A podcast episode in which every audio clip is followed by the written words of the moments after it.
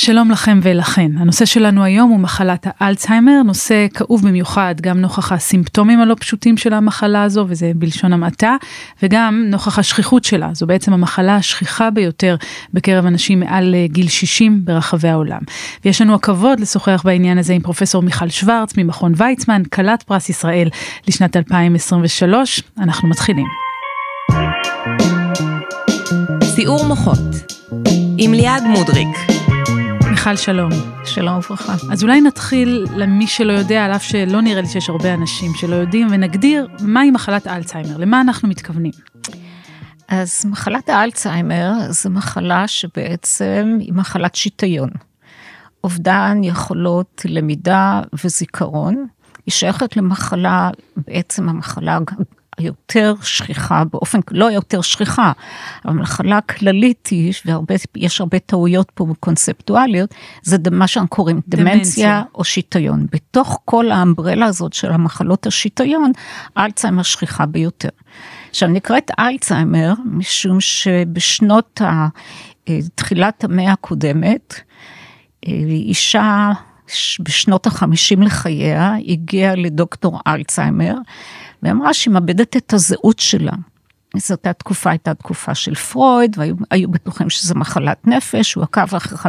בפרט שזו אישה אני מניחה אז אמרו אוקיי אולי היסטרית נכון זה מאוד יכול להיות כן. בשנות החמישים לחייה אישה צעירה ודוקטור אלצהיימר עקב אחריה במשך כחמש שנים, ואחרי שהיא נפטרה עשו אנליזה של אחר המוות של מוחה וגילו צברים חלבונים, שמאז הם נקראים חלבונים המילואידים, ועל שם החוקר אלצהיימר. אז זאת מחלת האלצהיימר, זו מחלה של שיטיון. היום אנחנו יודעים שישנם חולים שיש להם שיטיון בלי הצטברויות החלבונים האלה, ויש אנשים עם הצטברויות החלבונים האלה, ולא שיטיון. נגיע לזה, אבל... אז נגיע לזה, אבל קודם הזכרת אה, גיל 50, בדרך כלל באמת מחלה שמגיעה בגיל הרבה יותר מבוגר, עד כמה יש שונות כזאת בגיל הפריצה של המחלה? אז לא ממש שונות, כשמדברים על שנות ה-50, זה אנשים שהם בעצם יש להם את המחלה הגנטית. והשכיחות שלה היא בין חמישה לעשרה אחוז בקרב האוכלוסייה.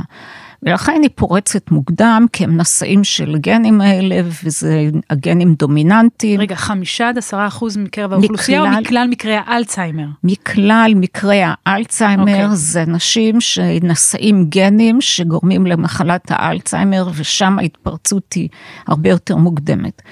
כל שאר החולים, שזה בין 90 ל-95 אחוז, זה חולים שחולים במחלה הספורדית, מה שנקרא, שהיא בעצם יותר קשורה בגיל. אז שם השכיחות היא גבוהה, מאוד גבוהה, אבל בגילאים היותר מבוגרים, יותר סמוך לשנות ה-70. ואם אנחנו מדברות באמת על המנגנונים המוחיים, קודם כל הדבר שאנחנו רואות, עוד בלי קשר לחלבונים, זה סוג של, אני לא יודעת אם לקרוא לזה התכווצות, נכון, של המוח, זאת אומרת, אנחנו מאבדים חומר אפור, היית אומרת? אנחנו מאבדים חומר אפור, אבל קודם כל יש ירידה קוגניטיבית עוד לפני שרואים אובדן מסיבי של חומר אפור. והאובדן המסיבי, יש גם ירידה תפקודית עוד לפני שמתים תאי הצו במוח. Okay. זה אוקיי. תהליך. ברוב המקרים כשזה אלצהיימר, אז התהליך באמת מתחיל, לפחות מבחינה פתולוגית, עם צברי החלבונים. מה שאנחנו יודעים היום, שצברי החלבונים זה לא הגורם הבלעדי לירידה הקוגניטיבית. אז בואי נדבר על הסימפטומים. בדרך כלל זה מתחיל באובדן אוריינטציה, נכון? פתאום פגיעות בזיכרון, מה אנשים מדווחים בהתחלה? בעיקר זיכרון מרחבי, כמו שאת אומרת, אוריינטציה. כן. יש ירידה, קודם כל אני רוצה להגיד למען גילוי נאות, כן. אני לא רופאה, כן. אני חוקרת. כן. ולכן אני לא, לא רוצה ואין לי מספיק אחריות להיכנס להיבטים הקליניים. ברור, ברור. מכל מקום, כן, אנחנו רואים ירידה קוגניטיבית, ירידה בהתמצאות, ולאחר מכן בזיכרון קצר טווח, ועם הזמן זה גם אה, אובדן עצמאות. בעיניי זו המחלה הכי מעליבה. Hmm. מעליבה כי את מאבדת את עצמך. כי את מאבדת את עצמך והיא יכולה, לא, היא לא פוסחת גם על אנשים שמוחם היה כל גדולתם במשך שנים. אבל יש כאן תופעה מעניינת אה, שבאה לידי ביטוי באיזשהו פער שיש לפעמים בין ההתפתחות של המחלה במוח לבין הביטויים ההתנהגותיים והקוגניטיביים שלה. כלומר, אנשים שונים מגיבים אחרת, או הסימפטומים באים אצלם לידי ביטוי אחרת, אפילו שרמת המחלה המוחית היא זהה. אז קודם כל המחלה דוגרת בגוף אצל כל אלה שמפתחים אלצהיימר הרבה שנים, עד שהיא מתפרצת כמחלה סימפטומטית. היא במשך הרבה שנים מחלה אסימפטומטית. נכון להרגע אין לנו הסמנים ברורים כדי לעשות אבחון מוקדם, ולכן גם בגלל זה גם אין מה שנקרא preventive medicine, כן. או רפואה מונעת. כן. עכשיו, כשאת אומרת, אנשים מתפתח אצלם בצורה אחרת, את אפילו לא יודעת אם מה שאת מדברת זה שיטיון על רקע של אלצהיימר, או שיטיון שהוא לא על רקע של אלצהיימר. כי עד שאין דיווח על שיטיון, אתה לא, בעצם לא יודע מה נמצא במוח, כי לא עושים. כן, אבל אני מתייחסת לתופעה הזאת של אה, רזרבה קוגניטיבית. זה משהו אחר לגמרי, זאת אומרת, אה, רזרבה קוגניטיבית קרוב לוודאי מגנה עלינו, ולכן אנשים, זה לא מדובר באלה שיש להם נשאים גנטיים. כן. אלה הם שהם נשאים גנטיים, גם אם הם טובי המוחות, המחלה לא תפסח עליהם. אנשים שזה יותר, הייתי אומרת, גיל, מותנה גיל. וכשאנחנו מדברים על מותנה גיל, יש פה המון המון פרמטרים, זה לא הגיל הכרונולוגי ב, בלבד. כן. לפי הממצאים שלנו, שבעצם התפתחו לאורך 25 שנה, הגיל הכרונולוגי פחות מכתיב את המחלה, זה יותר הגיל האימונולוגי, או גיל מערכת, מערכת החיסון, שהם לא תמיד בהתאמה. או, oh, אז עכשיו את מכניסה בכלל לסיפור שלנו עולם תוכן שהוא לכאורה אחר, אבל את גילית לנו שהוא לא אחר בכלל, וזו מערכת החיסון. אמת. עוד רגע נבין איך מערכת החיסון קשורה לאלצהיימר, אבל עוד לפני כן בואי נסיים את הדיון על הרזרבה הקוגניטיבית. אז בעצם במקרה הזה, אנשים שיש להם נגיד משאבים קוגניטיביים יותר חזקים, הם יבואו לרופא או לרופאה ויתלוננו על בעיות בזיכרון או בהתמצאות, כשהמחלה כבר הרבה יותר מתקדמת אצלם, נכון? ייקח לה יותר זמן להשפיע. לכאורה. תסבירי. כשאת אומרת יותר מתקדמת, את צריכה לשים אחד מול השני, אדם עם רזרבות גבוהות ואדם עם רזרבות נמוכות, שהם שני מתלוננים, ולעשות השוואה בפתולוגיה במוח ולהגיד, אוקיי, אצל זה עם הרזרבות גבוהות, למרות שהסימפטומים זהים לאלה עם הרזרבות הנמוכות, הפתולוגיה הרבה יותר נכון. גבוהה, וזה אני לא בטוחה שנעשה בצורה מסודרת. Okay. אוקיי. מה שאנחנו כן יודעים שמבחינה תפקודית, אם יש רזרבה יותר גבוהות, לוקח, האובדן יהיה יותר, אולי יותר איטי. או לכאורה, אם אנחנו מגבירים את הרזרבות הקוגניטיביות, אנחנו יכולים להאט את התהליך. זה חשוב עוד, בטח נגיע לזה בסוף, אבל בואי עכשיו באמת נדבר על מערכת החיסון. איך היא קשורה לכל העניין? לדעתי מערכת החיסון קשורה לכל דבר, כי זה מערכת התחזוקה שלנו. אה, במקרה של המוח זו הייתה באמת חוויה בלתי רגילה שלי אישית, כי בעצם על פי ממצאים שהיו מתחילת המאה הקודמת, בשנת 1906, החוקר אה, בשם פול ארליך אה, מצא שהמוח מבודד מכלי אדם. עכשיו המוח הוא תצ...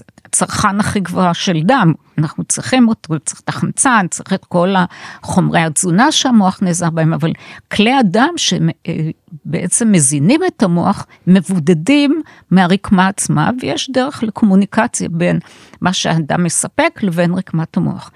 ובעצם לפי הממצאים שלו דאז, היה ברור שהמוח מבודד על ידי מה שאנחנו יודעים היום כמחסום דם מוח. כן. אה, וזה הייתה, היה מאוד אה, ברור שזה המצב של המוח. אז ו... רגע, רק, רק נסביר, אז המחסום הזה בעצם הוא כמו מסננת מאוד משוכללת, שקובעת מה ייכנס למוח ומה לא ייכנס למוח, וזה נתפס בתור איזו מערכת הגנה כזאת, שמונעת מחומרים שאנחנו לא רוצים שיגיעו למוח, נכון, להיכנס. נכון. עכשיו, לימים התגלה על ידי חוקרים אימונולוגיים בשנות החמישים של המאה הקודמת, שבעצם המוח גם מבחינת מערכת החיסון הוא מבודד, והראיה הייתה שאם את משתילה שתל זר במוח או בעין, הוא כמעט לא יידחה, בשעה ששתל בכל איבר אחר בגוף יידחה. ובעצם כל זה יחד יצר איזושהי אקסיומה שהייתה מקובלת במשך שנים, שהמוח מבודד מכלי אדם ומבודד גם ממערכת החיסון. אז אולי רק נסביר, הניסוי של השתל עובד או מבוסס על ההנחה שמה שגורם לדחייה של שתל זו תגובה של מערכת החיסון. אז אם המוח לא דחה את השתל, זה אומר שמערכת החיסון לא עושה את הדחייה הזו, נכון? זה ההיגיון. זה נכון. זה ההיגיון. וכל הדברים האלה יחד יצרו איזה קונספציה שהייתה מאוד מאוד מקובלת וגם נוחה לחוקרים, שהמוח מבודד, המוח לא יכול להיעזר במערכת החיסון, ואם יש מחלה, היא מחלה מוחית. פרופר ואין לה שום איבר אחר בגוף לא מעורב. ולמה את אומרת שזה נוח לחוקרים ולחוקרות? כי אז לא צריך לקחת את הגורם הזה בחשבון? לא רק שלא צריך לקחת את הגורם הזה בחשבון, שאם היו, כשראו הדלקת בתוך המוח, וצריך לזכור, בעברית אנחנו לא יודעים להבדיל, אין מילה להבדיל בין דלקת סטרילית לדלקת זיהומית, אנחנו קוראים לזה הכל דלקת, אבל דלקת זה תגובה פיזיולוגית של הגוף לכל, אפילו לחבלה כן. שהיא לגמרי סטרילית, והיא טובה, כי אנחנו רוצים, זה הדרך של ריפוי פצעים. אז בפגיעות מוח או בפגיעות חוט שדרה, כשראו דלקת מקומית שהיא סטרילית לחלוטין, חשבו שזה חלק ממנגנון שבגלל זה המוח לא נרפא, וחוט שדרה לא נרפא, ולימים אפילו אה, התקבל במערכת הבריאות, הרפואה, בכל העולם המערבי, בואו נטפל בנפגעי מוח וחוט שדרה בתרופות מורידות דלקת. עכשיו, כשאני נכנסתי לתחום הזה, זה היה במהלך עבודת הבתר דוקטורט שלי, את הדוקטורט עשיתי בחקר חיסונים כימיים, את הבתר דוקטורט עסקתי בשיקום מוח אחרי חבלות, וכשנכנסתי לתחום הזה, פתאום התוודעתי לדבר שלי דאז לא היה נראה הגיוני, שאיבר כמו מוח שהוא לא בר החלפה, כן. אנחנו יכולים להשתיל הרבה מאוד איברים מוח אני יכולה לדבר בביטחון מלא, שאף פעם לא נוכל להשתיל.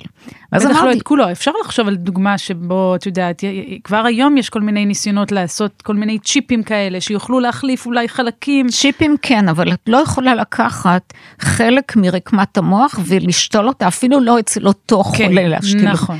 אז המוח לא נוכל להשתיל. כן. ולי כחוקרת, כשאני באה משני התחומים האלה של חקר חיסונים כימיים וחקר המוח, לא היה נראה לי הגיוני שאיבר שהוא כל כך יקר לנו, לא בר החלפה, לא בר השתלה, אבולוציונית ויתר על היכולת hmm. להסתייע במערכת החיסון לצורך הריפוי שלו, וככה יצאתי לדרך. כן.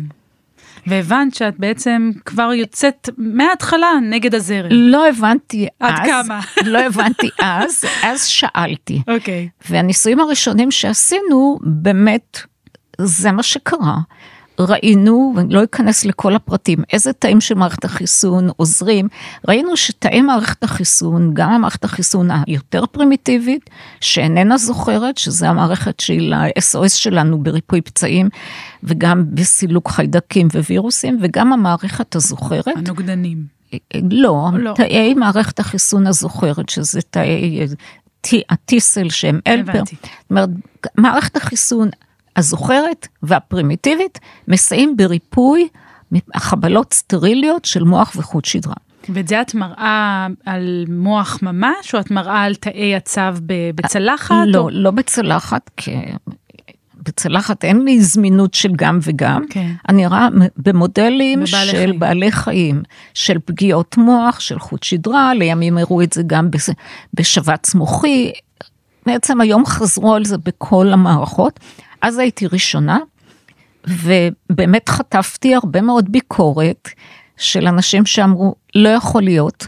לקח שמונה שנים עד שהמאמר הראשון וואו. חזר והראה אותם תוצאות.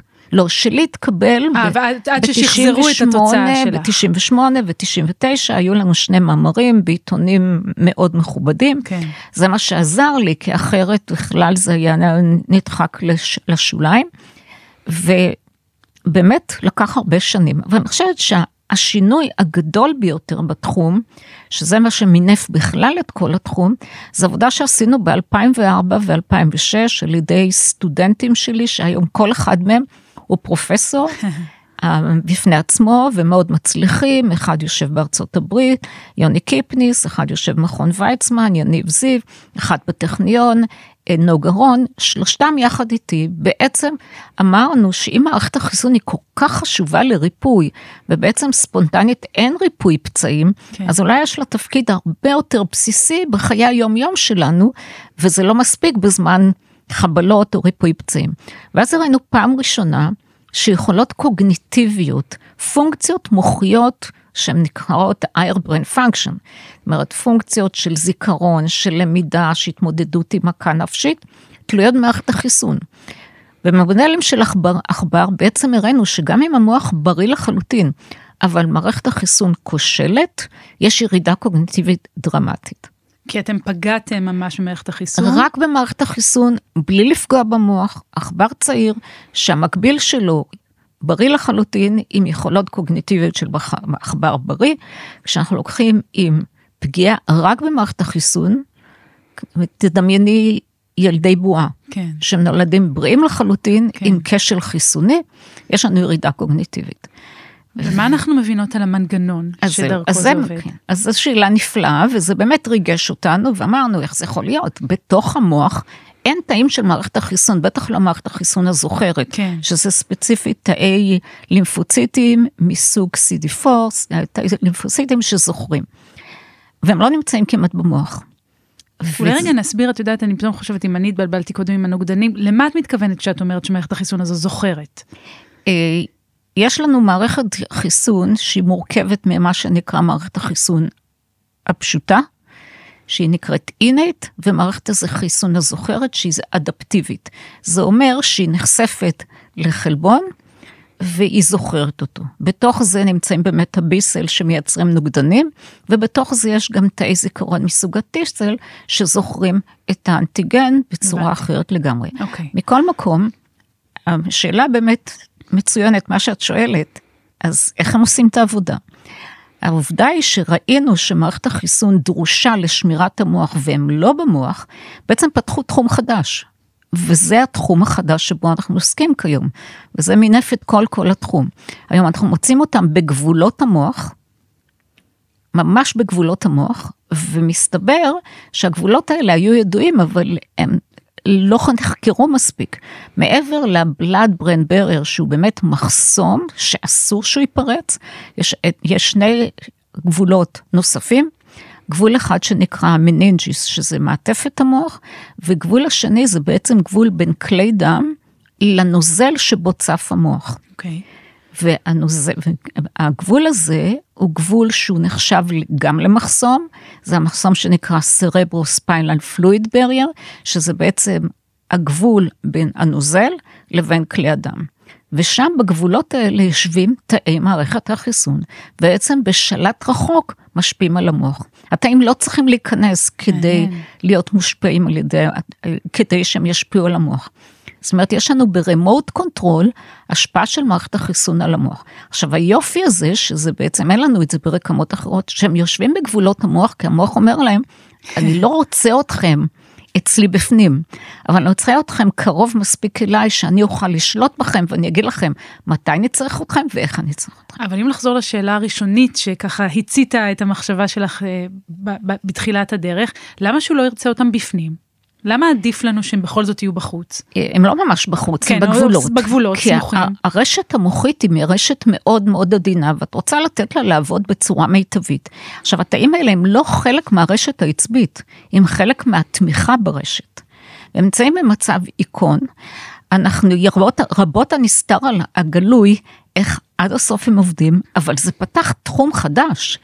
שהיום אנחנו מבינים שהמוח לא רק שהוא לא מבודד ממערכת החיסון, אלא הם אזרחים קבועים בטריטוריה של המוח, אבל הם מרוחקים. והדבר המעניין שלפני שנה, אה, אחד האורחים שלי, אחד מעיתוני המכובדים בחקר המוח, אה, יצר ירחון שכולו היה מוקדש לתחום הזה, ועל הכותרת הם שמו הצעה שלנו שבה הצענו שהיום עם ההבנה החדשה של יחסי הגומלין בין המוח למערכת החיסון, הם מקיימים בעצם מערכת אקולוגית של התאים יושבים באותה מערכת אקולוגית, והם יוצרים יחד איזשהו יחסי גומלין שמגבירים את העמידות של המוח ואת הפלסטיות של המוח. והאנלוגיה לזה, הם שמו על השער, את האנלוגיה שאנחנו הצענו לקרוא לזה אקו סיסטם, הם שמו יער עם פטריות. כן. אז אנחנו מבינים, וזו הייתה באמת, זה לקח למעלה מ-20 שנה, כל המהלך הזה שהתחיל איתנו, אבל היום זה מה שנקרא common wisdom של הקהילה המדעית. אבל עוד לפני זה אנשים לא הבינו למשל את הקשר בין לחץ למערכת החיסון, הרי אנחנו יודעים שיש פה יחסי דיכוי, אז כבר אנחנו מבינים שזה לא, אלה לא שתי מערכות מבודדות, או שזו תובנה שהגיעה גם רק אחרי. לא, אנחנו בוודאי, את צודקת לחלוטין שבמצבי הכה נפשית, מה שאת קוראת ללחץ, אז בטח המוח משפיע על מערכת החיסון, וזה... מדכא אותה בעצם. הוא בהתחלה בעצם מפעיל אותה, אבל אם הסטרס מתמשך, או ההקה מתמשכת, כן. אז הוא... אבל זה שוב, חשבו שזה מבוסת, וזה עדיין נכון מבוסת, על ידי הורמונים, הורמוני לחץ, ומדכא את מערכת החיסון, אבל מבחינה תאית שתאי מערכת החיסון עוזרים למוח, ממש לא. כן. כי גם פה, זה המוח משפיע על מערכת החיסון. עכשיו, להפך. הכיוון הזה היה ברור לחלוטין. כן. כי בעצם כל הבלוטות הלימפה שלנו מופעלות על ידי המוח. כן.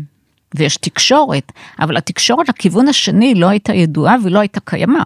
לא הייתה קיימת, סליחה. כן, ואז אתם מגיעים, מתחילים לשנות את התמונה, מתי את מכניסה את האלצהיימר לסיפור? אז זהו, שברגע שראינו שמערכת החיסון בעצם מבסס, מתחזקת את המוח, וכשל חיסוני באופן מלאכותי מזקין את המוח, ניסינו לראות קודם כל מה קורה בזקנה ללא אלצהיימר. האם יש להזדקנות מערכת החיסון השפעה על המוח. ואז ראינו שבעצם בזקנה נפגעת התקשורת בין מערכת החיסון למוח. והיא בעיקר נפגעת בתקשורת של אותו מחסום שתיארתי אותו, שזה המחסום בין כלי הדם לבין הנוזל שבו צף המוח. ברגע שהבנו שהתקשורת הזאת נפגעת בזקנה, אז אמרנו שיכול להיות שזה מה שקורה גם באלצהיימר, כי בעצם אלצהיימר, המחלה היותר שכיחה, היא בעיקר, הגורם הסיכון הגדול ביותר שלה זה זקנה. כן. אז ברגע שהבנו שזקנת המוח כל כך מושפעת על ידי זקנת מערכת החיסון, וזה לא כל כך הגיל הכרונולוגי כמו הגיל מערכת החיסון, אז פנינו לאלצהיימר. אז בואי רגע נדבר באמת על הגיל של מערכת החיסון. צריך להגיד שאנחנו מבחינים בדרך כלל בין הגיל הכרונולוגי לבין הגיל הביולוגי. זאת אומרת, יכול להיות מישהו שהוא אה, כרונולוגית יותר מבוגר, אבל מצב הגוף שלו נגיד יותר צעיר ממישהו אחר, ואת אומרת שאת זה אפשר לראות גם במערכת החיסון. במה זה בא לידי ביטוי במערכת החיסון, הגיל? חושבת, אני חושבת שאת אומרת גיל ביולוגי, אני, הוא כוללני עבורי. נכון. אני חושבת שהגורם הכי חזק בו זה מערכת החיסון. כי זו מערכת העל שלנו, היא מערכת שבעצם משפיעה, אני חושבת שאנחנו עוד רחוקים מלהבין את כולה, כי חוקרי מערכת החיסון חשבו שהם חוקרי מערכת החיסון. כן. גם בסרטן, אם את חושבת על זה, שנים לקח להבין שסרטן זה לא רק מחלה של הגידול, אלא כשל של מערכת החיסון למגר אותו. כן. אז אני רואה דמיון מאוד מאוד גדול, שבעצם ברגע שהבנו שהמוח מתחזק את המוח, שהמערכת החיסון מתחזקת את המוח, היה ברור לנו שמחלת האל, ואני יודעת היום שמחלת האלצהיימר דוגרת הרבה מאוד שנים במוח. לפני שהיא פורצת, גם היום אני חושבת, אין לזה הוכחות סופיות, אבל שההתפרצות הסימפטומטית הולכת במתאם עם כשל של מערכת החיסון. כן, את זה אני מבינה, אבל אני מנסה להבין ממך מה זה אומר גיל של מערכת החיסון, כלומר מה המרקרים, מה המדדים 아. שלפיהם את מזהה מערכת חיסון, חיסון זקנה יותר או צעירה יותר? אז, זו שאלה נפלאה, ואנחנו עובדים על זה קשה. אני הלוואי והייתי יכולה להגיד לך שאלה הסמנים, שאני יכולה להגיד זה זקן בין, עובדים על זה, כן. לא רק אנחנו, עובדים על זה בהרבה מאוד מקומות. אנחנו היום יודעים לזהות, וגם כן עוד לא בצורה שאפשר להכניס את זה לסל הבריאות, אנחנו יודעים לזהות כשל חיסוני שהוא במתאם עם הידרדרות באלצהיימר. אבל אני לא יכולה להגיד לך שזה הכשל שבגללו פורצת המחלה ממחלה לא סימפטומטית לסימפטומטית, אנחנו עובדים על זה. ואנחנו יודעים, שוב אני חוזרת למנגנון, מה בדיוק עושה מערכת החיסון פוגע, או פוגע בהתמודדות עם האלצהיימר, או אפילו מחריף את המצב? אז להגיד שאנחנו יודעים בדיוק לא, אבל לתור, לאור ההבנה הזאת, מה שכן הבנו, שכיוון שאני צריכה את מערכת החיסון כדי להתמודד עם מחלת האלצהיימר, אז בעצם פיתחנו דרך שהיום כבר ניסי, נמצאת בניסוי קליני כדי להתמודד עם מחלת האלצהיימר, וזה עכשיו ניסוי קליני לטיפול של גישה חדשה במחלת האלצהיימר. עכשיו, למה, למה אני מתכוונת? אם התחלנו לפני כ-20 דקות ושאלת אותי על אה, מהי המחלה, אז אמרנו, המחלה היא מחלה של צבר חלבונים, שאנחנו קוראים להם בצורה קולקטיבית פלאקים. כן. אבל אנחנו היום יודעים שגם ממעקב של הרבה שנים אחרי חולים וגם מעבודות אה, של תרופות שפותחו לאחרונה ואפילו קיבלו אישור וגם מעבודות בחיות, שעצם קיום הפלאקים לא מספיק כדי להסביר את הירידה הקוגניטיבית, והיום מהתרופות האחרונות שאושרו או יאושרו בקרוב, אנחנו יודעים שהתרופות מורידות, מורידות בצורה מאוד טובה את את הפלאקים. ולא כל כך עוזרות להתנהגות. ולא כל כך עוזרות להתנהגות. כן. עכשיו, מה שאנחנו מבינים, וזה במתאם מאוד גדול לכל התוצאות שלנו לכל אורך השנים האלה, שבעצם הגורם הכי גדול שגורם לירידה קוגניטיבית, זה הדלקת המקומית שנוצרת במוח. ובעצם הטיפול האולטימטיבי שהיית חולמת על אלצהיימר, שהוא יצליח לטפל בכל הגורמים האלה יחד, בצברי החלבונים, בדלקת המקומית ועוד גורמים אחרים שמצטברים במהלך המחלה. גם אם הפלאקים זה הדבר הראשון שקורה, עם, עם הזמן יש גם דברים אחרים. יש שם אה, דלקת מקומית, יש תאים מתים שמגבירים את הדלקת המקומית, יש הרבה דברים שקורים. ובעצם מה שאנחנו הבנו, זה אם אני מחזירה למערכת החיסון את היכולת שלה לעזור למוח, אז יש סיכוי שאני במקום שאני אנסה למצוא טיפול שאחד שיוריד פלאגים ואחד כן. שיוריד דלקת ואחד שיוריד את זה, שאני לא יכולה לעשות אותם היום. אה, כי גם ניסו לתת תרופות מורידות דלקת, וזה לא צלח. נתנו סטרואידים, סטרואידים ותרופות מורידות דלקת שהן לא סטרואידליות, וזה לא עזר. אז אנחנו, המחשבה הייתה, בואו נחזק את מערכת החיסון. אבל יש משהו שאני לא מבינה, ותסבירי לי. אם זה רק דבר אחד, מצבך טוב. הדלקת היא בעצם תגובה של הגוף, במקרה הזה נגיד להצטברויות, לפלאקים נכון. האלה, שמי שיוצר את הדלקת היא מערכת החיסון בעצמה, לא? זה דבר נורא נכון. זה, אה, יש בתוך המוח תאים שמאוד דומים לתאי מערכת החיסון, שבצורה קולקטיבית נקראים מיקרוגליה, כן. ויש עוד אוכלוסיית תאים שנקראת אסטרוציטים. שתי האוכלוסיות האלה שבגדול הם, הם לא הנוירונים עצמם, לא כן. לא תאי הצו עצמם, הם איזושהי תאי תחזוקה של המוח, גם תפקודית. וגם אה, אה, אה סטרוקטורלי, מבנית. כן. עכשיו, הן מרגישות את, הפ, את הפלאקים האלה ומגיבות לפלאקים. אז הן, בתח... במקרה הזה, הם דווקא התאים האלה הם שיוצרים את הדלק. בתחילת הדרך הם, ת, הם תאים שמגיבים ויכולים גם להכיל את התאים האלה, זאת אומרת, למתן אותם, אבל המחלה ממשיכה, ואז הם מגיעים למצב שהם כבר לא יכולים יותר להכיל את המחלה, ואז הם הופכים להיות גורם סיכון בעצמם. זאת אומרת, הם מצטרפים לחגיגה במקום למגר את החגיגה. וזה בדיוק המצב שבו המערכת, עכשיו גם מערכת החיסון שמחוץ למוח, שיושבת בגבולות המוח, עוזרת. עד לשלב מסוים שהתאים קורסים.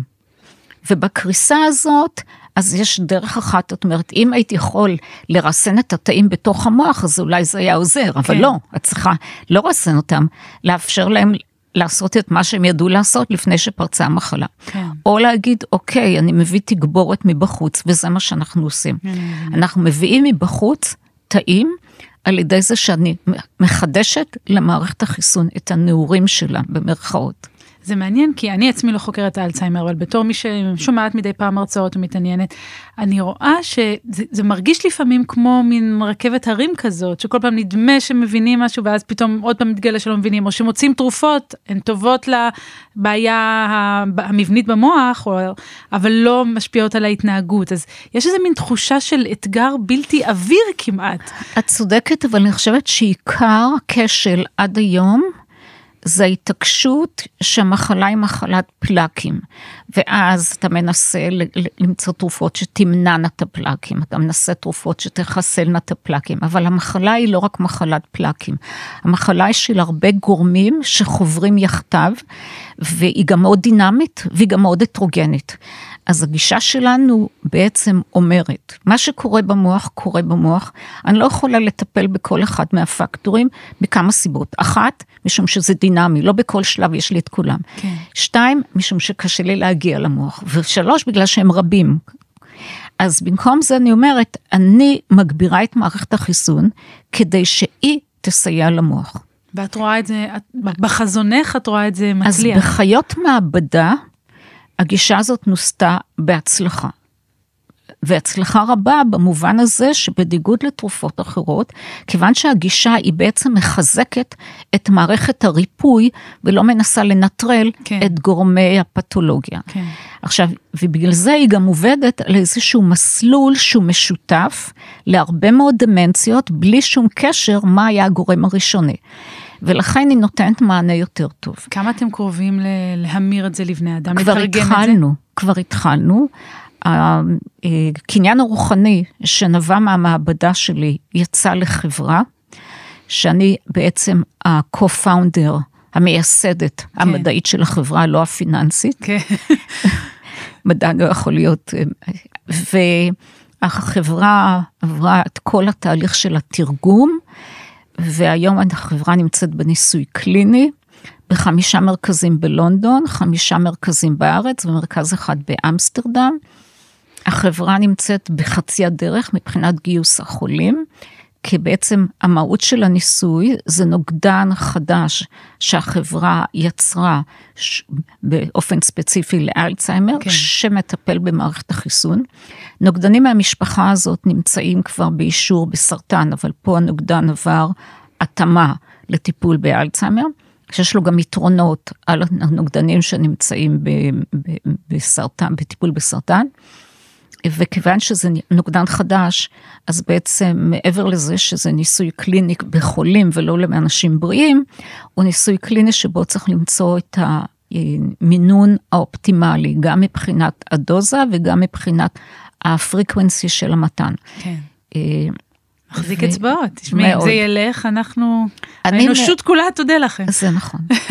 אה, מה שבעיניי משמח, שזה פעם ראשונה גישה חדשה לחלוטין, שהיא לא אה, מה שאת כן. תיארת כרכבת הרים, כי היא בעצם אומרת, בואו נטפל במנגנון הריפוי ולא מנטרול גורמי הפתולוגיה. אז קודם כל באמת תקוותנו שזה, שזה יצליח. אני רוצה לסיום, אמרת שאת לא רופאה ו... רשמנו לפנינו, אבל אני בטוחה שאחת השאלות ששואלים אותך כל הזמן לאורך הקריירה זה מה עושים כדי למנוע. אם אני עכשיו, אני בינתיים בריאה, אני רוצה לפחות לדחות את הקץ, יש כל מיני אה, עצות כאלה שאנשים אוהבים לתת, יש מתכון? תראי, מתכון בטח לא לי. אבל בגלל מה שנורא נורא נורא משמח אותי, שזה מבוסס על התובנה שמערכת החיסון מתחזקת את המוח. כן. אז כל דרך שמחזקת את מערכת החיסון, תהיה טובה פה. בלי התייחסות ספציפית, כן. אנחנו מטפלים כבר במערכת החיסון בצורה מאוד ספציפית. כן. אבל כל דרך שתטפל במערכת החיסון יכולה לעזור פה. הדוגמה הכי טובה שאני יכולה לתת למשמעות של מערכת החיסון למוח, לפני הרבה שנים, כשהיינו בעצומה של הדרך, אני חושבת ב-2006, היו לי קבוצת סטודנטים, וביניהם סטודנטית שהייתה אז בהיריון. והיא שאלה אותי, האם יכול להיות שהתובנה שלנו של מערכת החיסון מתחזק את המוח, יכולה להסביר למה יש ירידה בזיכרון בזמן הריון. כן. אז אמרתי לה, בטוח שכן. אז שאלתי, למה? אמרתי לה, משום שבזמן ההריון כל אישה נושאת בגופה עובר שחלקו הוא זר לגופה, הוא בא מבן הזוג. כן. ובעצם המערכת החיסון צריכה לעבור התאמה שהיא לא תדחה את השתל הזה. וזו אותה מערכת החיסון הזוכרת. כן. ואכן עשינו ניסוי כזה, וזה כך. אז אני אומרת, מה שתובנות האלה יש להן השלכות של מערכת החיסון. תחזוקת המוח יש לה השלכות לכל אספקט שקשור ביכולות הקוגניטיביות אז מה אני יכולה לעשות בביתי כדי לחזק את מערכת החיסון? כל מה שאת יודעת שהוא טוב למערכת החיסון, אני לא יכולה לתת לך, כי אני הלוואי והייתי יכולה להמליץ לעצמי ליישם את זה, אבל ספורט, אנחנו ראינו את זה בחיות מעבדה, שהספורט עוזר להם מאוד. זה אני גם שמעתי ספציפית לגבי אלצהיימר. כן, אז אנחנו רואים את זה בחיות מעבדה, גם הראו את זה בחיות מעבדה, שספורט. סושיאל לייף, כלומר, גם זה אנחנו יודעים שמשפיע, ותזונה, אבל שוב, אני לא תזונאית. ברור. ו... ברור, אבל בכל זאת רשמנו לפנינו, אז ספורט, לאכול טוב, להיות עם חברים, בטח גם לישון טוב, כל הדברים שאנחנו נכון, צריכים לעשות ולא תמיד ה, עושים. ולהוריד את רמת הסטרס שכולנו נמצאים בה עכשיו בצורה ש... זה אפשר רק כן. לקוות, גם ברמה האישית וגם ברמה הלאומית. אפשר לייחל לימים טובים יותר. אני רוצה נכון. מאוד להודות לך על השיחה הזאת. פרופסור מיכל שוורץ, תודה רבה. בשמחה רבה.